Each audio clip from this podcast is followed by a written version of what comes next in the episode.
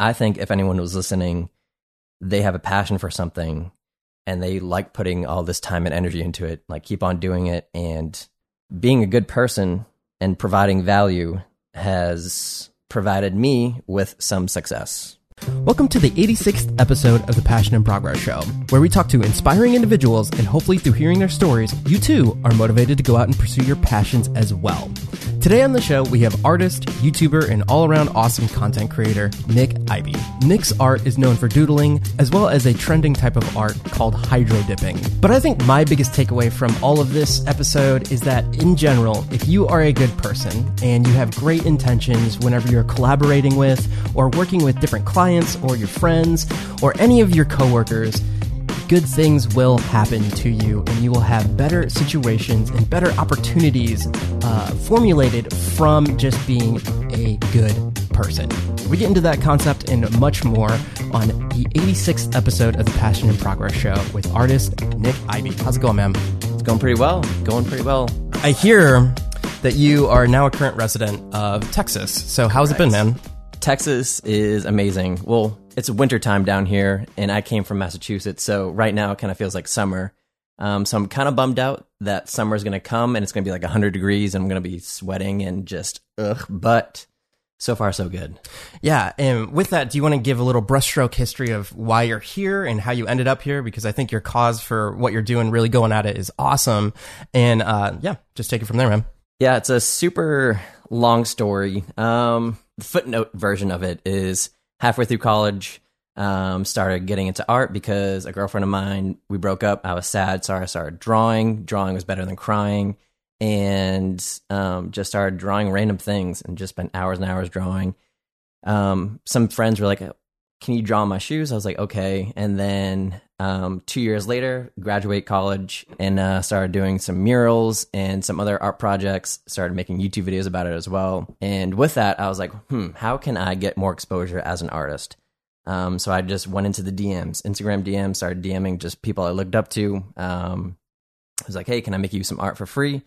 And some people said yes. And with that, um, I learned more about YouTube, and they gave me some shout outs. And then um, this whole YouTube momentum started to pick up. And then a friend of mine, like a year and a half later, who I made art for, was like, "Hey, I'm in Texas. You should come down to Texas, be with other YouTubers and creatives, and just like pursue this." And so I was like, "Sure, why not? I'm living at home. I'm single. I got no reason not to." And uh, took the leap of faith. Came down here about like a month ago, and so far, like I said, so good your style has a very particular look to it. Can you explain to it for the people that are just listening if they have never seen it what what it would be? I like to think of it as just simply doodles. Exactly, Um, exactly, yeah. And with that, you know, if I do, if someone hires me to do a canvas, um, I'll incorporate aspects of their lives into it in an abstract way. So it might be names of loved ones, dates, anniversaries, cities, states, people's dogs, like pets, like anything. Um, I can incorporate into an abstract way. So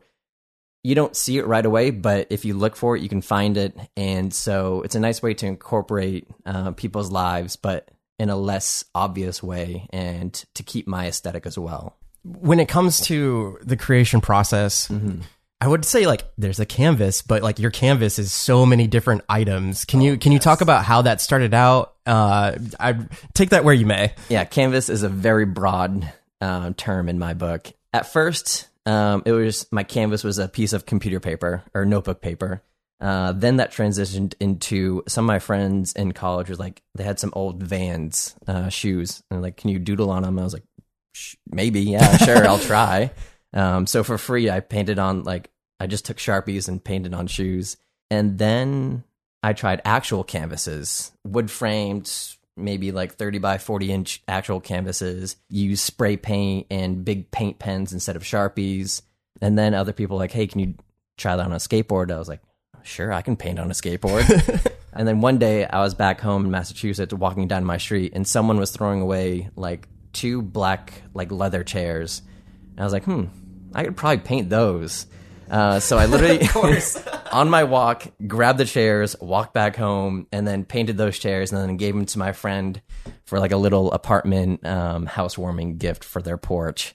And the list goes on and on. I've done a surfboard, multiple pairs of shoes, walls. Walls are another canvas of mine. Um, a mural at a school cafeteria, uh, a chiropractor's office, a dance studio. What's been the hardest surface to make art on? That's a good question. Probably the cafeteria mural. The wall wasn't a flat wall. It was uh, kind of like cinder block ish. a lot of grooves in the wall. I couldn't use spray paint because we were inside a school, Oh, that's interesting. and so I had to use actual paint. That's something I'd never done before. Because spray paint, you have so much control and you know exactly what you're doing. But with actual paint, there's so many layers you have to put on, and um, so all the grooves made it so hard. I had to go in and um, actually had a friend of mine help me out. Just go in and just touch up all the edges to make it nice and clean. Which like that in itself took so long. Can you talk about the perspective? Because when you're making something that big, I feel like what you're just talking about when you need to make something look really clean, it's actually when when I'm thinking about it, if you're really close to it, those lines are huge. Yeah. But then when you're far away, it actually makes sense. Yeah. So the wall, uh, the wall was forty by eight feet. One, it was my first mural, and so I was worried about that. But then, second, it was the biggest mural I've ever done. Uh, now, in retrospect, and I went into Photoshop and I took photos of the wall and tried to like with uh, my iPad, I like sketch some things, maybe some rough ideas. Um, but even that, I kind of just showed up to that day um, with a pencil, made some big shapes, and then thought, hmm, that could be orange, that could be gray, and just made big blocks of color. And then from there, I outlined the colors, and then I thought, hmm, what could go good for each section of Doodle, um, if that makes sense. Oh But yeah, yeah.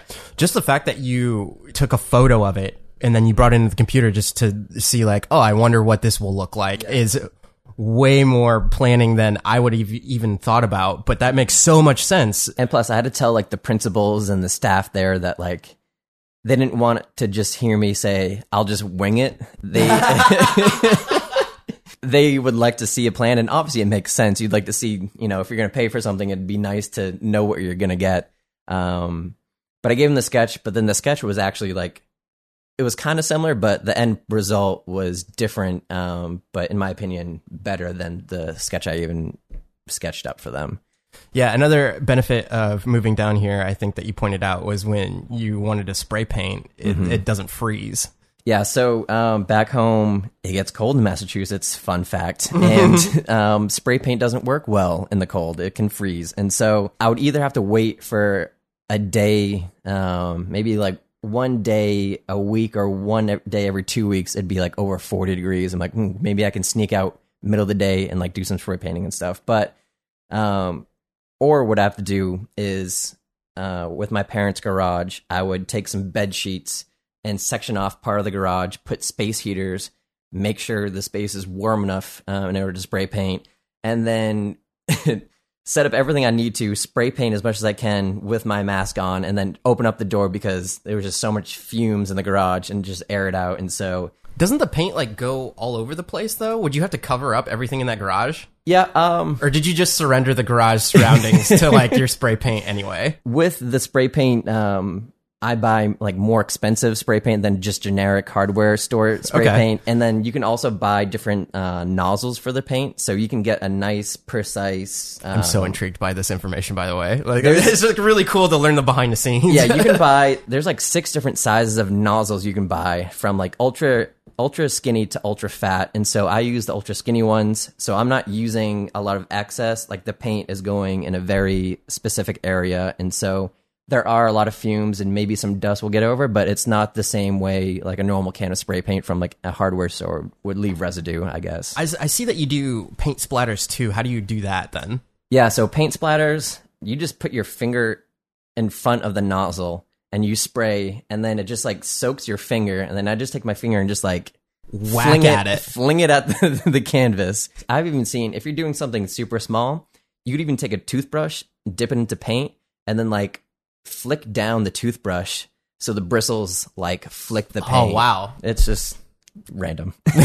well, I think that a lot of art inspiration, especially for me, it would be like video editing, which I feel like you can relate to. Mm-hmm. It's like some you might accidentally drag an effect onto the Mm-hmm. uh, onto the video, and then all of a sudden, I noticed that you like to do pitch shifting in your voice, and then like I'll be watching one of your videos, and then I'll flames and a whole bunch, like, and then you'll do like a weird transition, and be like, that was that was out of nowhere. What was?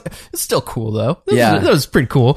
Speaking of, let's get into a, a lot of what you do on your channel, which Yeah, is the yeah. shoes. And um, out of nowhere, you became known for hydro dipping and everything like that. So, Yeah. Mm-hmm. for the people that don't know what it is, can you explain kind of your history in shoes, which I think you kind of got at with the doodling beforehand, but like where hydro dipping, explain some hydro dipping. Let's get right into it. yeah, I transitioned from with just a Sharpie, sharpening shoes, and then it was a huge trend early summer of this past year. Um, hydro dipping. Like, what is hydro dipping?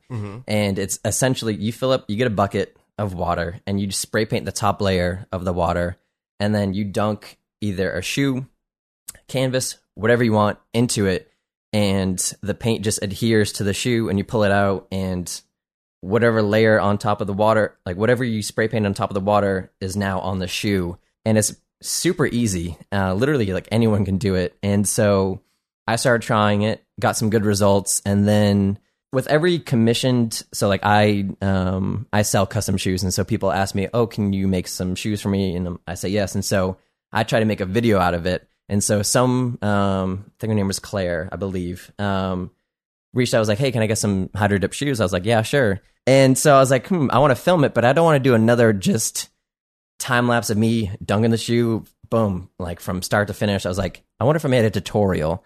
Um, and I only hydro dipped like three times, but I understood the basics, so I made the video how to hydro dip, and I just went through the process. I posted it, and then like a month later, had like a thousand views. Like I was like, okay, pretty happy with it. And then the algorithm, whatever YouTube decided to happen, happened, and it went from a thousand. Now it has like I think over like six hundred thousand uh, views, awesome, which man.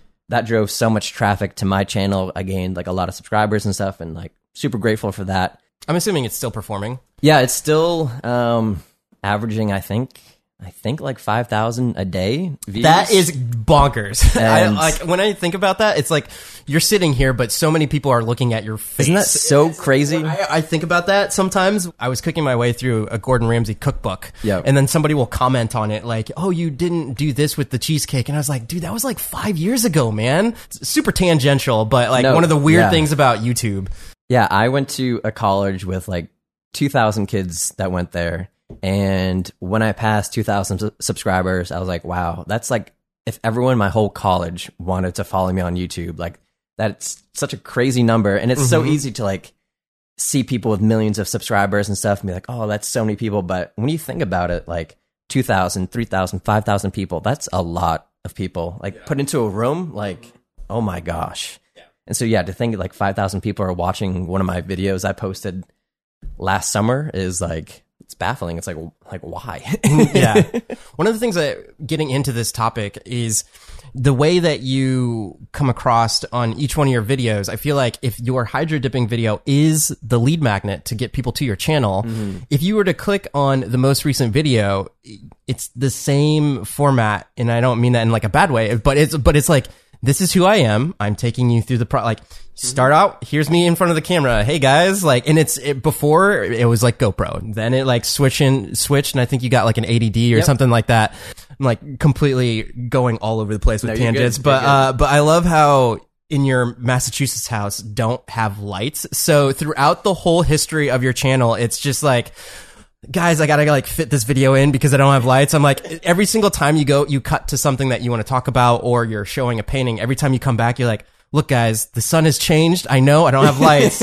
or like you're in the bathroom, like, ah, dude, I know I needed lights for this. It's been winter out the whole time. And now the, the only place in my house that has lights apparently is my bathroom. Yep. So I I love the authenticity there. I, I think is what I'm really getting at, and uh, what you got in your the video that is getting a whole bunch of views is mm-hmm. just a true representation of. I mean, I've only been talking to you for a couple like whatever minutes or whatever, but I think it's just who you are as a person, and then how that comes across is like, oh, I want to hang out and like watch this guy do some sweet sweet paintings or hydro dippings or whatever the canvas is for the day, you know? Yeah. With that being said, do you want to talk about interacting with an audience as you've like come further in your YouTube journey? So yeah, I so as of right now, like creeping up on fifteen thousand um, subscribers on YouTube and like a little over ten thousand on Instagram. Which like last year I had like seven hundred. Um, so from that I'm like, oh my gosh, that's a lot of people. And then to think Yeah. like I get messages from people either trying to paint like me or using me as inspiration and like every time someone DMs me I just get so like blown away and humbled and like flattered that someone one watched my content two decided hey I'm going to paint like him go out buy the supplies and then paint however long it took and then to send me like a photo like hey watch your videos. This is what i did to like because you inspired me is like just so amazing. And so i try to give back as much as i can um, i respond to every single youtube comment every instagram comment um, answer all my dms uh, as of right now it's manageable you know i assume if slash when i get to like a million um, then obviously i can't Oh, respond to happen. every every single comment but um, as of right now yeah i try to you know, ask my audience, should I customize shoes? Should I do this? Should I do that? And get what they want. Obviously, I get a lot of people saying you should hydro dip because a lot of my traffic has come from the hydro dip tutorial. But yeah, it's a it's a weird dynamic because obviously when you start and you have no subscribers, you're making videos just for yourself. But then now once you have kind of like a reputation almost, um, you're kind of expected to do X, Y, and Z. Um, but I think it's super important to make sure you still do at least some of the videos for you um, and some for them. As Sara Dietschy says. As Sara Dietschy, yeah, Yeah. yeah, Um, one for you, one for them. yeah. Whenever I come to conversations like this, uh, if I'm on the other end getting interviewed, there's always like something that I have top of mind. They're like, oh, I want to talk about this subject. Is there anything in that like that's been going on for like people that listen to this? They're YouTube creators, other people like entrepreneur type of things. If there's any topic in that realm that you would want to bring up, I think. I mean, I've talked a little bit about it on um, Tyler Babin's podcast, but amazing the whole podcast. concept of literally you're one DM away from like anyone, whether I mean they could not read it or not see it, but so many of my relationships have come from the internet and Instagram and YouTube, and I just think that in itself is such an amazing opportunity because I have no idea what I would do if I was even living in like 1980s. Like, would I have to like go out and get a magazine ad or like go door to door, be like, hey, do you want to buy these custom shoes from me? Could you imagine in third grade, I wrote a letter to Muggsy Bogues in the mail, got a letter back a year and a half later from like the Charlotte Hornets, like whatever promo team with a thing signed by Muggsy Bogues. Oh my god! So that there's a prime example of like old school way of doing things. Can you give an example of like your recent video where you DM'd a whole bunch of hmm. people and what the experience has been from that? Or do you want to give a personal anecdote of how it has changed your career? Yeah, I'll dive into like both. So one of the last videos I uploaded, now that I moved down to Texas, I've been thinking of how I can package YouTube videos to a more broad audience. My buddy Ryan, uh, he made a video last summer uh, DMing 100 celebrities until they respond. It got like 6 million views and started a whole trend of this like DMing people videos. And so I was like, Love hmm, his stuff, by the way. yeah, he's Ryan Trahan is a, an amazing dude and amazing content creator, um, an amazing friend as well. yeah. yeah. And um, so I was like thinking about that, and I was like, I could probably do that. And instead of like just DM, DMing them just to DM them, I could DM free shoes. And so value proposition. yeah, give them value, give them something in return. And so yeah, I made the video, DM'd a hundred people. Uh, I made five pairs of shoes. So five, actually six people responded. One person didn't want shoes, um, but five people did. One thing I took away from it is that you know obviously someone like Brad Pitt isn't going to respond to my DMs because What if he did? but what if he is never a zero percent no? Um, it's always a slim chance that they might. But you come to realize everyone checks their social media. You could be, you know, going to the bathroom, you pull out your phone, you're on social media. You could send a message directly when they go, saying like it might be graphic, but go in the toilet, pull out their phone, and then your message might be the same exact moment when they open up Instagram, and it might be like the first just like notification. Mhm. Like I think about just the right timing is so so key and such a big opportunity. And it's DMing is free. Like it's literally a free opportunity to give value to someone. Mm-hmm. And that's what to bring back to the beginning of my story. I wanted to find ways to gain more exposure. And so I DM'd and cold emailed a bunch of people just to be like, can I make you free art and ask nothing in return? I wasn't, can I make you free art? And then can you shout me out on your YouTube and Instagram and make a video about me and shout me you out on MySpace. yeah, MySpace. Put me in the top five. Um, it was literally just like, I want to give you value. And if I can pick your brain for a day, cool. And that's it. Um, and then come to realize that if you're a good person and you give value, and if that person receiving that is a good person, they'll most likely help you out and shout you out. And just because they feel like it's a good thing to do. Um, so being a good person and providing value has provided me with some success. for those that are listening, if you haven't checked out the video of him DMing people, it's it, what's interesting is it's one of those. I would be curious to know what your audience retention is on it because when I look at that video, it's like each new person that you're DMing is a new burst in like. Uh, like interest like oh well if i'm not interested or if i don't know who you're trying to dm at that point then i'm like i'm learning about this new tiktok person Yeah. or this other person Yeah. and then the next person is like oh Champagne Papi like Yeah. well that'd be cool if you responded and yeah. all that kind of stuff and you're like nope didn't respond yeah, retention is uh, a little over 50%. Um, and it's funny, you can see the peaks. The peaks are when I'm checking my phone, um, like with my iPhone, um, just seeing who responded. I can see the peaks. I'm like, oh, that was me checking. That was me checking. That was me checking. That was me checking.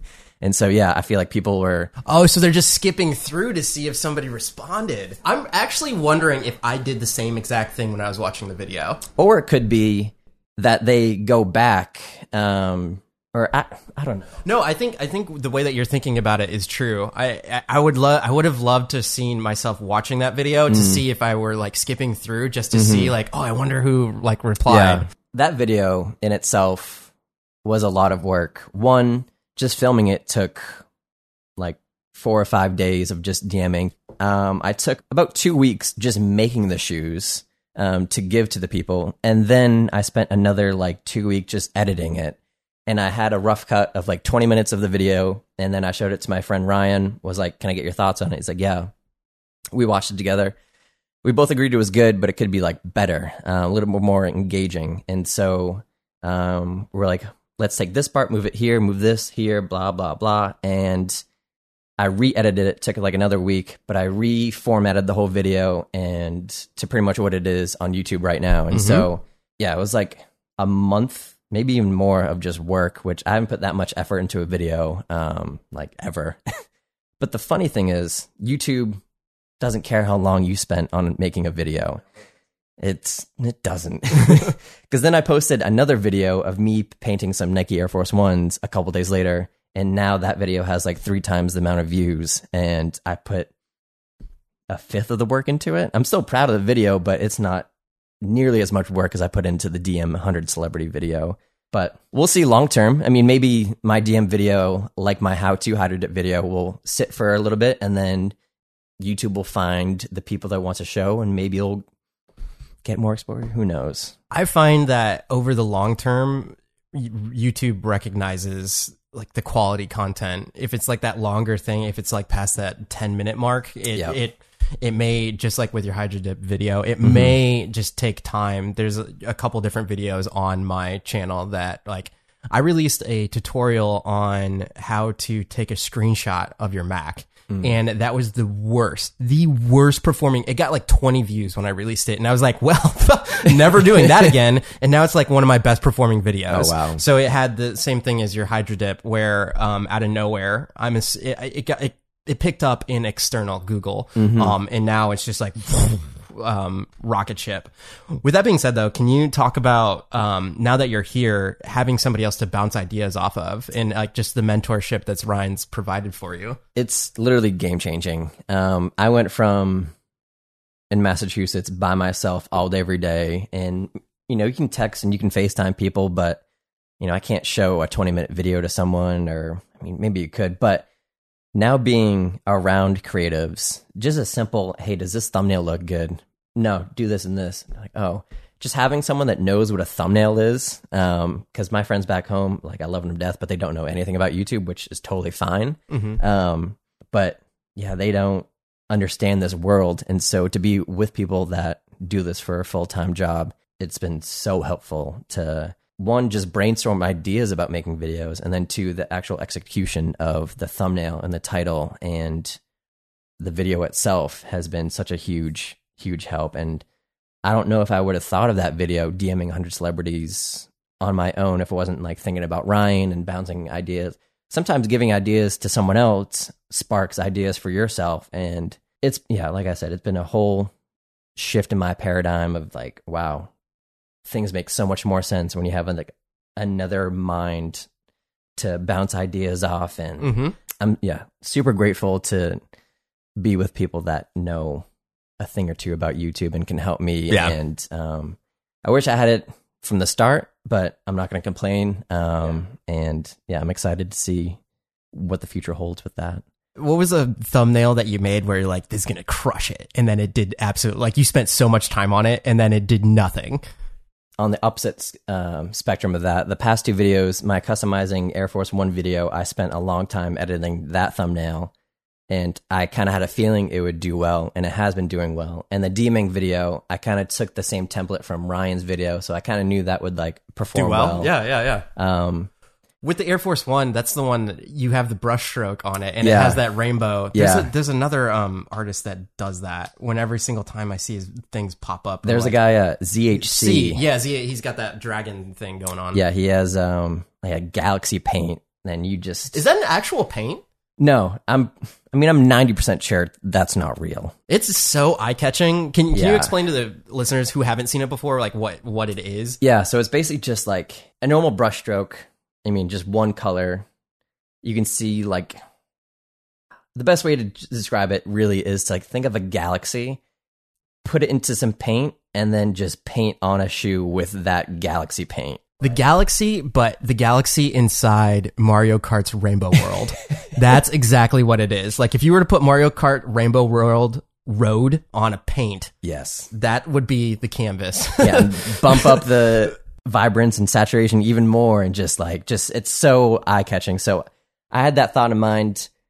Like obviously, when you click on the video, he's not painting with that paint, but it's enough for you to click on that video. Which to me, I never even thought about that before I moved down to Texas. Really, I was like, I made my video, and then at the end would make my thumbnails and be like, oh, I'll just take a photo of the shoe, that should be good. hmm Um, but the whole concept of like clickbait and just making things interesting enough for someone to click on has been so eye eye opening. So I tried it myself, and yeah, I found a brushstroke and then Photoshop some um, rainbow into it and liquefied it and like cha- just spent so long on it. Um, and it is performing well. and it is performing well. So So maybe there's where the YouTube is like the more effort you put on your thumbnail as opposed to the video is like that's think- that's where the um the results come back to you. I think because my video editing hasn't really changed a whole lot from the past couple months. The only thing that has changed has been titles and thumbnails, which being around Ryan and all these other YouTubers, um, they like to they think of the title and idea and thumbnail first and then reverse engineer a video out of it. Where I was like, how can you even do that? But it makes so much more sense if you can make literally because a thumbnail is just a poster for your video. If you can make that so enticing, then obviously people want to click on it, and then now you just have to make a video about it. So I kind of, I don't know if I felt like I don't know what the best way to describe it is. Like I didn't want to trick people. Like I wanted. Obviously, I'm not painting with like rainbow paint, but I don't. know. It's just It's little so things you have to do. yeah. You just have to. Um, and so, yeah, once you realize that all these other people, all these people I follow that are artists are pretty much doing the same thing, everyone knows they're not using Galaxy Paint and all these things, but it's just another thing to make people click on it. And at the end of the day, if your content is garbage, then people will quickly find out. But if you, because if you trick someone and then your video is bad, they're not going to trust it again. But if you can like bait someone into clicking and your video is actually good, they're like, oh, I'm glad. I'll keep on watching. And so, in my opinion, I think my videos, you know, deserve the amount of attention Uh, now it's just a matter of adding the final touch of making people click on it and getting the exposure. Which I guess the mindset shifts should be instead of saying final touch, the, the first touch The would, would correct, be. yeah, yeah, the first touch, yeah. Uh, well, speaking of mindset shifts, I know you're a big self dev guy and all that Mm-hmm. kind of stuff. Um, what's been a recent, like, I don't know, quote? Uh, I know you journal and all Mm-hmm. that kind of stuff. Is there anything that you would like to say that why that has benefited you? Um, and I think you kind of alluded to this before, but just like putting good vibes out into the Mm-hmm. Ether and then getting that good vibration back. It sounds like that has provided a plethora of good opportunities for you. But um, from day to day, how how does that look? What um, what's like a day? Yeah, so I about five years ago uh, learned about meditation and kind of this whole self development world, and um, whether it's listening to podcasts or books or anything, I kind of just like stuck my toes into the water and started meditating and stuff, and uh, realized I felt like a little bit better. Um, but really, the thing I think is the way you talk to yourself has been the most life changing for me. I'm a big believer in positive affirmations and what you say to yourself, um, you deem to be true. An example, and feel like everyone's been there. You wake up, you spill coffee or something on your shirt. You're like, oh, today's a bad day. Something else minor might happen. You're like, oh, no, yeah, today's a bad day. and then it seems that everything that's happening is a bad day because you're just saying, it is a bad day. It is. So your mind's just like, okay, it is, it is, it is. Or you could wake up, maybe you're walking down the street, find like a five dollar bill, like, oh, today's a good day, and then someone holds the door for you. You're like, today is a good day, and then you just everything, in my opinion, is just the way you look at it. Uh, you can't control. You can only control your attitude and your responses to things.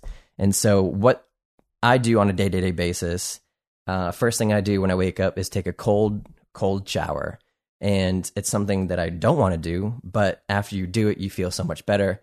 But in that cold shower, I repeat um, my five or six positive affirmations to myself. For example, one of which is I am perfect health. And in the past year and a half that I've been repeating to myself that I am perfect health, I haven't experienced anything more than a stuffy nose in the past year and a half, which I'm not saying, you know, affirmations cured it or whatever, but that's just my experience. And um, one of my affirmations and kind of, I guess it kind of ties into goals was um, like, I am surrounded by creatives. Even though last year in Massachusetts, I was by myself, no creatives around me, but I was like, I am surrounded by creatives. And fast forward now, I am surrounded by creatives. And I really just think when it boils, it, it just boils down to the simple fact of like what you tell yourself is what you believe, and what you believe is what you attract. And so, simply put, I believe positive things about my life, and I have seen positive things come into my life as a result. And I like to think of it as if you're going through a drive through, you go to the window, like, hey, can I get a burger and fries? You're like, yeah. You drive up to the window and they hand you a burger and fries. You're not going to be like, oh my gosh, a burger and fries? Like, this is the craziest thing. You're like, no, that's what I ordered. It's expected. But if they gave you a drink and not fries, you'd be bummed out. Or if you just went to the window, drove right past where you order, and just went to the window to receive food, whatever they hand you is what they hand you. You had no control over it. And so I like to think you have the control of ordering what food you want. And all you got to do is the work, aka driving up to the window in order to receive what you ordered. Do you get stressed out often? Yes. You do? You do? I I get stressed out about the fact that I'm not positively talking to myself.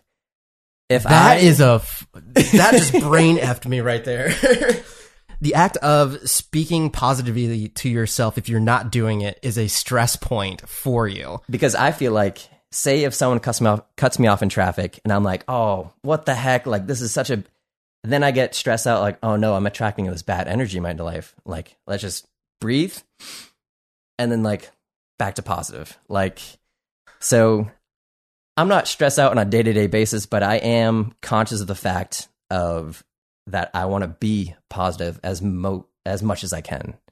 And That's awesome that you're the act of repelling stress is what stresses you out.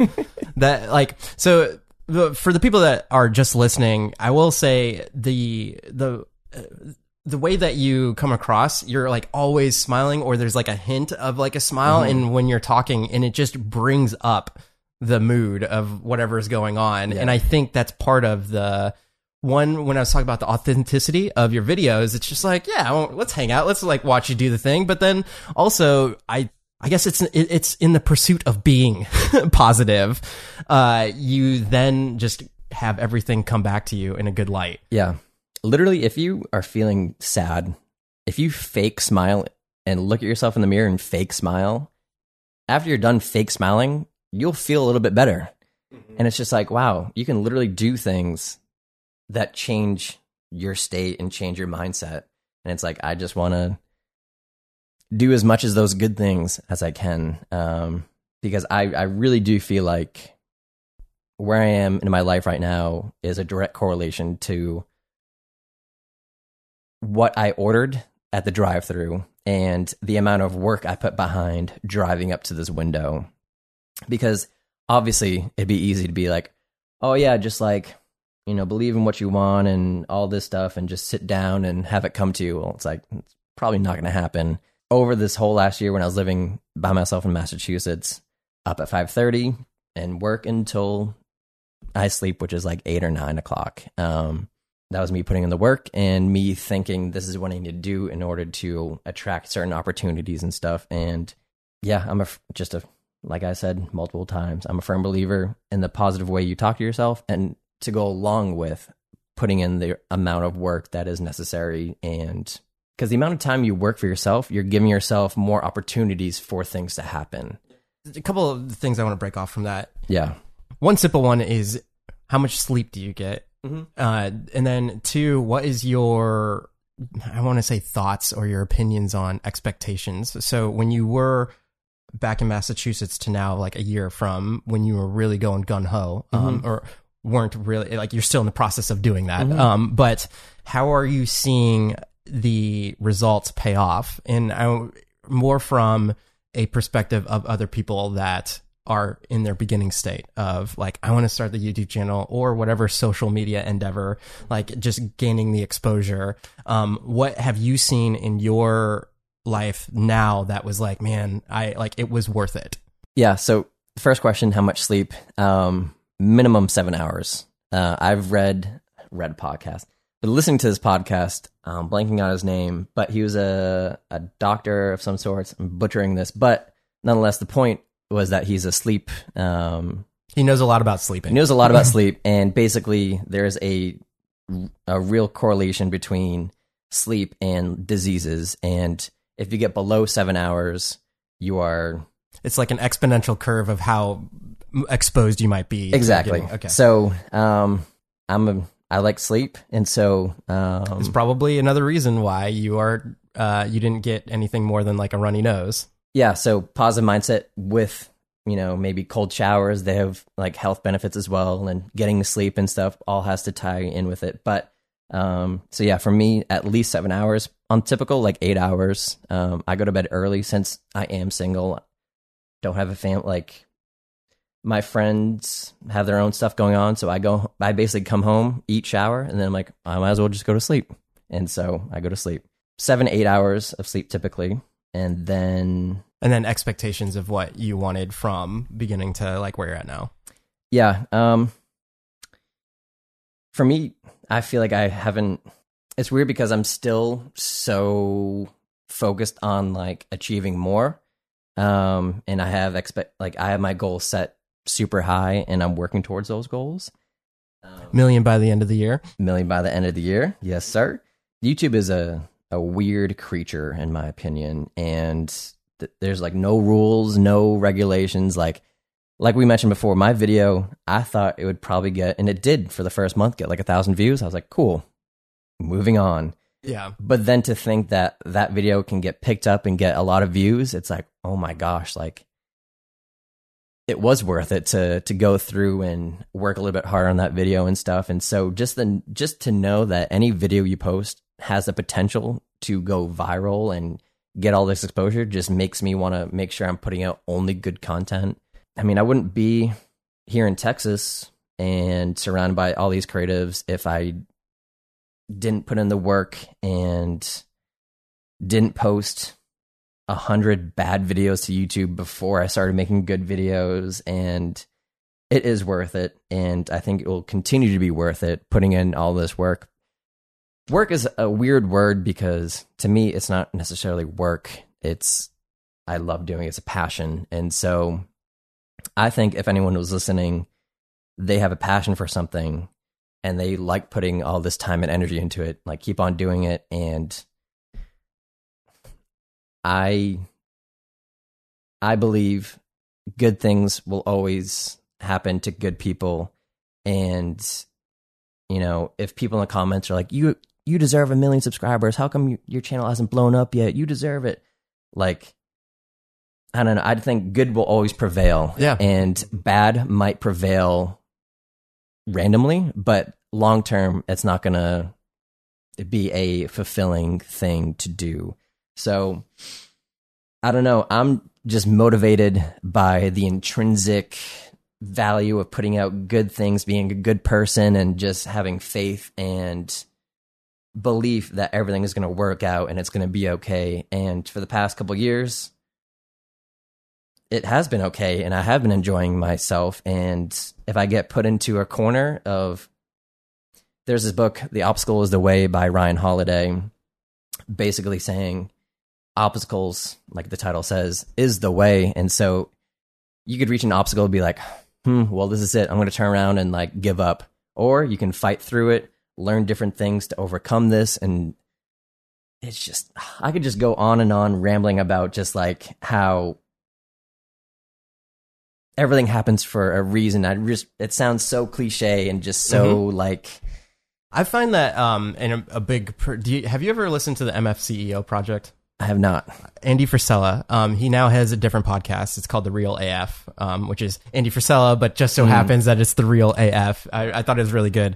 I think you'd really enjoy it. Um, I did a challenge of his called 75 Hard. And each day you take a, pro- a progress picture of yourself. Um, you drink a gallon of water.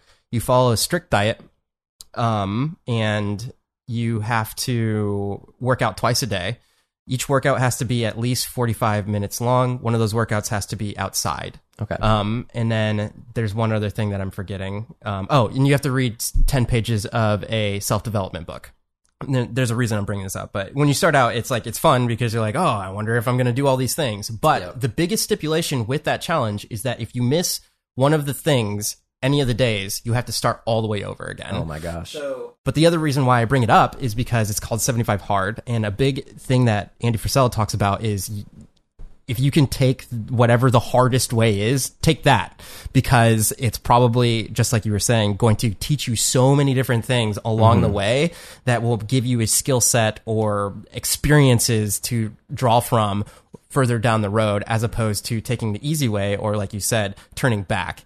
So um, after i did that whole challenge it was very much like it was eye opening getting to see like just doing something that hard which like each day and day out it's not that bad but if you compound it over 75 days it's really um, puts into perspective like i had to go to a wedding i had to go to a couple of jobs like uh, in different states where it's like, well, I have to follow my diet, but then how do I like? I have to make sure that I then you st- you have to start to problem solve these things. Yeah. Not only that, but then you're going to be put in social situations where it's like, oh, are you? Oh, the other thing is you can't drink, so you can't drink any alcohol. So you're like, oh, well, I'm not going to be sociable or quote unquote social. Yeah, But but then yeah. you're like, oh, you find out that it's fine that you're not drinking, and then like Yeah. when you wake up the next day, then you can just like start plowing through more work and all that kind of stuff. So yes, from pers- personal experience, like doing that was awesome in finding the hard way.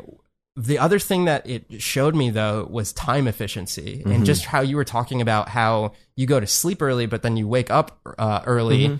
Do you ever find your brain just like wandering off? Like, how do you stay focused for that long on your whatever jobs or anything that you're working on? Yeah, um, I'm pretty fortunate in the fact that my content creation has to do with me actually physically painting and doing like tangible things. So a typical like work day is a mix between editing video and actually painting. So if I'm not really feeling like editing anymore, I can go ahead and work my work with my hands and actually paint something. But then if that kind of feels like boring, I'll switch it up and go back to editing. Or if I'm not feeling anything, I'll go on a walk and just be like, I'm actually in control of my. I don't have a boss, so I have full reign to be like, I'm gonna go for a 20 minute walk, no phone, no nothing. What I tend to do is I bring an apple to work every day, and I go on an apple walk, and I walk for as long as it takes for me to eat my apple, and then I come back when I'm done, and just something about letting yourself taking a break, being outside, and just thinking by yourself is like super helpful in my opinion.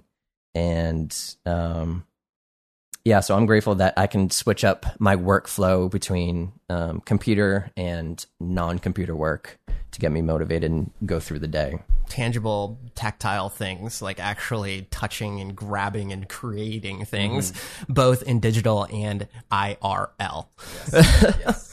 Yeah, I think w- the biggest thing that you brought up was the outside thing. When I was doing 75 hard, uh, I did a whole podcast about it, but I explained that the biggest like surprising thing to me was just spending at, like having to spend a minimum of 45 minutes outside was like what do I do with my hands? Like, like, like, I just went on walks for one of my workouts like all the time because, um, it was like, well, I got to be outside for 45 minutes. So then I like actually enjoyed the like, oh man, when's the time when I'm going to go work outside? Cause like now it's getting a breath of fresh air is just as it sounds, getting a breath of fresh air. And now whenever I go outside, I'm like, oh my God, real oxygen smells so good. And uh, it's so rejuvenating, rejuvenating and gets the creative juices flowing. Um, can, could you touch on a little bit what you do with uh, Hydra?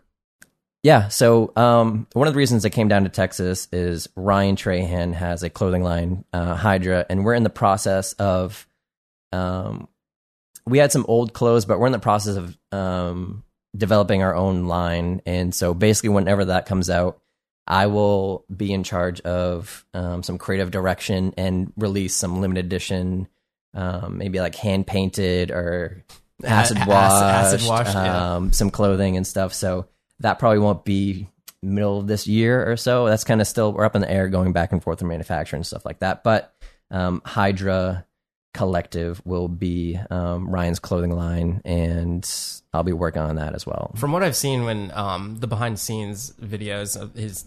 It's his two letters switched. Tra, tra, yeah, tr- uh, Tryon Ryan. Yeah, yeah. when he talks about his um his clothing line, he's so passionate about it. So yeah. I feel like if you guys are collectively doing something with that, yeah. you have to be so um into clothing yourself. And mm-hmm. I know you used to do some stuff uh, yourself. Yes, yeah. But um, if you if you haven't seen the apparel line and how much effort goes into it, it's not just another merch line. Like mm-hmm. there's there's oh, so yeah. there's so much more that goes into Hydra than your typical merchandise line. I got a call about May of last year, Ryan called me up. He's like, uh, "Can you like come down to Texas and like work on Hydra with me?" And I was just like, "Me? Like me? Like oh, sure." Yeah. Um, and then you know I moved down to Texas um, like a month ago. Um, but yeah, he's super passionate about it, and which is amazing because yeah, he's not looking at it as oh yeah, I can put my name on a T-shirt and sell it to my millions of fans and make some money. It's like we want to develop a line from the ground up and not have it even be associated to either me or Ryan or anyone. It's not, we don't want the success of the brand to be dependent on someone's social identity on YouTube or Instagram.